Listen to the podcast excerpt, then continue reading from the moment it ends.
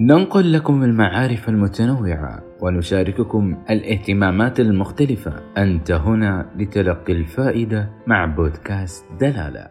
السلام عليكم ورحمة الله وبركاته. أهلا وسهلا بكم مستمعي ومستمعات بودكاست دلالة. معكم أمجد الجهني. موضوعنا لهذه الحلقة اضطراب التوحد. قلة التخالط الاجتماعي قد يسبب لكم حالة من الضعف. إلا أنه يسبب لهم الأمن والاستقرار في ظل الظرف الحالي الذي نمر به بسبب جائحة كورونا نمر بتباعد اجتماعي مؤقت.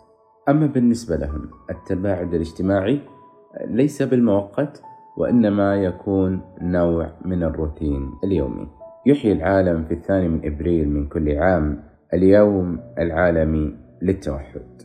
والذي بدأ الاحتفال فيه عقب أن أعلنت الجمعية العامة للأمم المتحدة في 2007 بالإجماع يوم الثاني من إبريل بوصفه اليوم العالمي للتوعية باضطراب التوحد. لتسليط الضوء على الحاجة للمساعدة على تحسين نوعية حياة الذين يعانون من التوحد.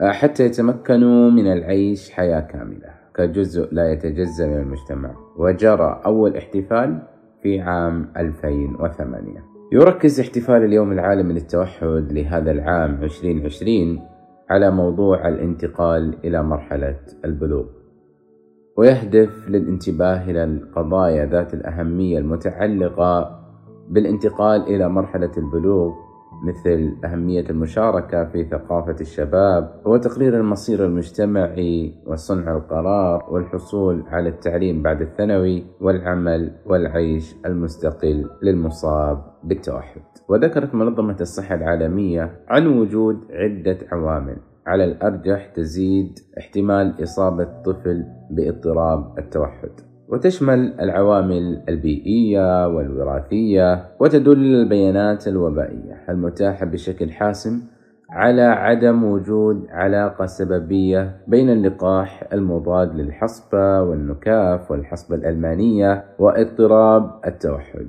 وليس هناك أيضا مما يدل على وجود أي لقاح للأطفال قد يزيد خطر الإصابة باضطراب التوحد وعلى العكس فإن عمليات استعراض البيانات آه، لدراسة العلاقة المحتملة بين مادة الثيموميرسال الحافظة والمواد المساعدة المحتوية على الألمنيوم والموجودة في اللقاحات المعطلة وخطر الإصابة باضطرابات التوحد. قد خلصت بوضوح إلى عدم وجود أي خطر. ومن المهم التدخل في مرحلة الطفولة المبكرة لتعزيز نمو المصابين باضطراب التوحد وعافيتهم على أمثل وجه. ويوصى برصد نمو الطفل في إطار الرعاية لصحة الأم. والطفل. ومن المهم بعد التعرف على اضطراب التوحد لدى الأطفال أن تتاح لهؤلاء الأطفال وأسرهم المعلومات التوجيهية والخدمات والفرص لإحالتهم إلى المرافق المختصة ويوفر لهم الدعم العملي حسب احتياجاتهم الفردية.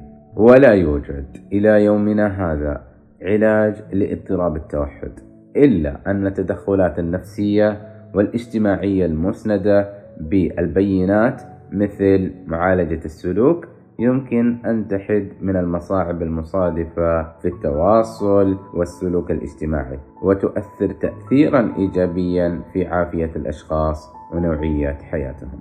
وتتسم احتياجات المصابين آه، باضطراب التوحد في مجال الرعاية الصحية بتعقيدها وتستلزم مجموعة من الخدمات المتكاملة تشمل تعزيز الصحة والرعاية وخدمات إعادة التأهيل والتعاون مع قطاعات أخرى مثل قطاعات التعليم والعمل والرعاية الاجتماعية. وفي الختام مستمعي ومستمعات الكرام مصابي التوحد هم فئة داخل بلورة كريستال شديدي الإحساس والتأثر ملائكة على الأرض ليسوا مرضى لكنهم فقط مختلفون. تذكر دوما. المصاب بالتوحد ليس مجنون أو متخلف.